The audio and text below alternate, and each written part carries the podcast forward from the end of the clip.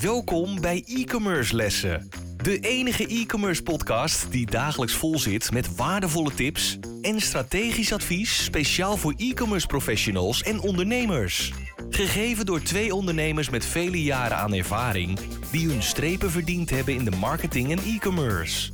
Laten we beginnen met het verhogen van jouw e-commerce kennis.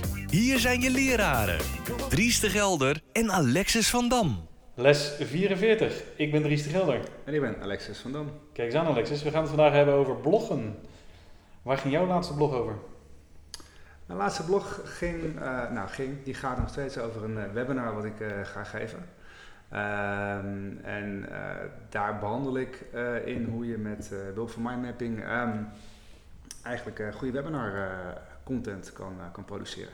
Dus een soort van ja, aankondiging van een, van een webinar. Leuk man. Wat is maar, blog eigenlijk? Ja, een heel goed punt over blog eigenlijk. Uh, nou ja, het is uiteindelijk gewoon simpelweg een artikel wat je maakt. Um, en als je dan kijkt, bloggen, het woord blog is uiteindelijk gewoon, uh, komt van weblog uiteindelijk af. En uh, is eigenlijk een deel van je website, of je hele website natuurlijk, waar je regelmatig nieuwe inhoud plaatst. En dan kan je denken aan één keer per week, twee keer per week, één keer per maand, of in ieder geval een soort van vast termijn. Uh, waarom een vast termijn? Want dan kunnen mensen gemakkelijk weten, oké, dan komt er weer iets nieuws aan waar ik op wacht. Um, en het is altijd omgekeerde chronologische volgorde. Dus het laatste eerste. Want ze redeneren dat het, het laatste is het meest actuele. Dus mensen willen vaak met actueel beginnen. Ik altijd wil teruggrijpen op oudere, artikelen die je natuurlijk hebt uh, geschreven. En dan biedt ook de mogelijkheid om de interactie aan te gaan tussen lezer en jij als, jou als schrijver. Um, hoewel eerlijkheid gebied te zeggen dat uh, tegenwoordig wel steeds minder vaker gebeurt.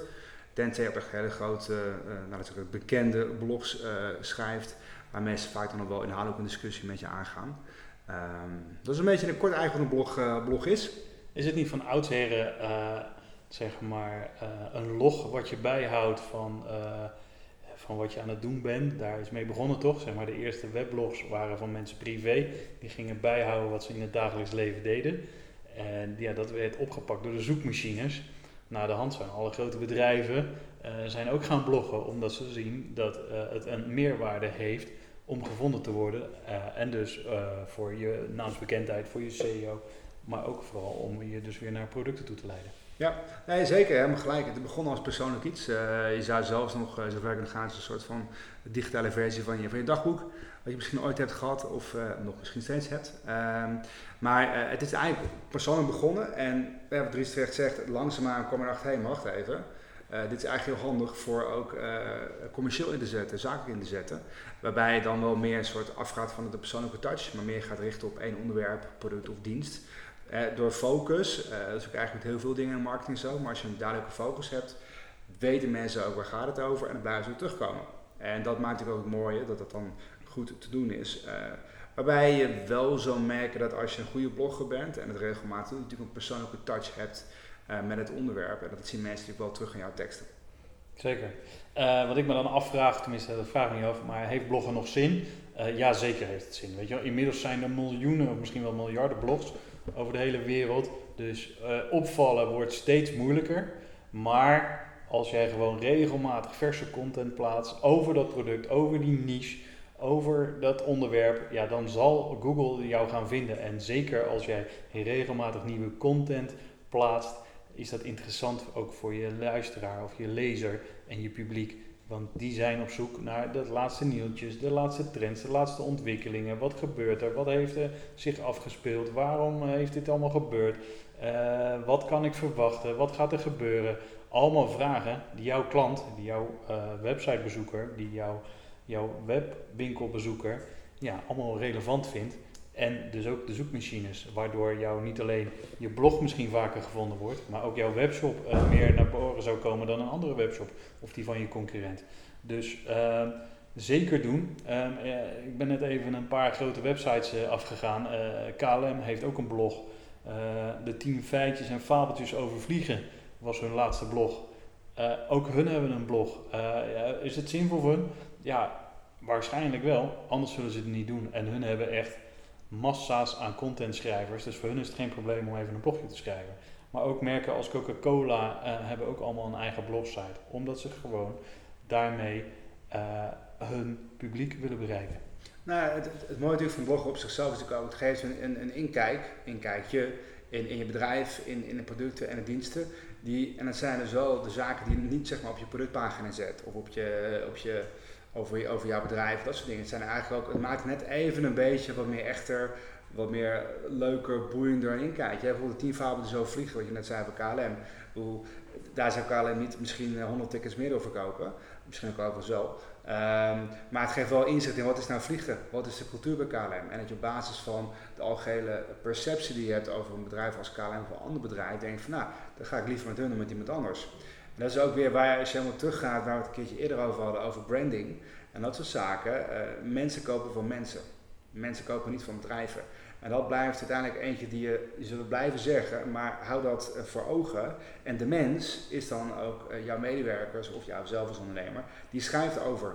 En het kan zijn over een nieuw product, maar het kan ook zijn over het wel en wee van eigenaar zijn van een webshop en ook misschien tot 1 uur s avonds doosjes inpakken en versturen, zodat je happy customers hebt de dag daarna of de dag daarna. Dat hoort er ook bij. En dan lezen mensen dat van, ach, nou ja, weet je, toch een aardige man, hij doet zelfs pakketjes erin pakken, Goed gevoel, fijn gevoel. Ik vind het helemaal niet echt een beetje meer te betalen voor zijn product. Weet je, en dat maakt dan jou wel weer als persoon uh, meer likable, meer een echt mens. Mensen kopen voor mensen. Zeker. Hey, uh, en hoe zet je er een op? Nou, er zijn natuurlijk verschillende manieren om er een op te zetten. Uh, heb je een webshop, dan zou ik zorgen dat je daar misschien extra pagina's of een aparte afdelingen. De meeste webshops zijn erop ingericht dat je ook een weblog kan bijhouden, oftewel een blog kan, kan schrijven. Heb je dat niet, er zijn ook middelen om WordPress bijvoorbeeld te koppelen aan je webshop programmatuur. En op die manier kan je dus ook een blog schrijven. Uh, ben je kleinschaliger en zit je bijvoorbeeld op Etsy of alleen op Amazon of alleen op en je hebt nog geen eigen webshop, ja, dan kan je ook op uh, kanalen als LinkedIn kan je ook blogs schrijven of op Facebook kan je ook blogs schrijven. Uh, kies wel je medium uit en link daar naartoe. Kies één medium, zet daarop je, je blogverhaal en doe het consequent. Dus doe één keer in de week, twee keer per week, drie keer per week, elke dag, vijf dagen in de week, alle werkdagen van de week. Maar doe het consequent. Doe het of één keer in de maand of één keer in de week.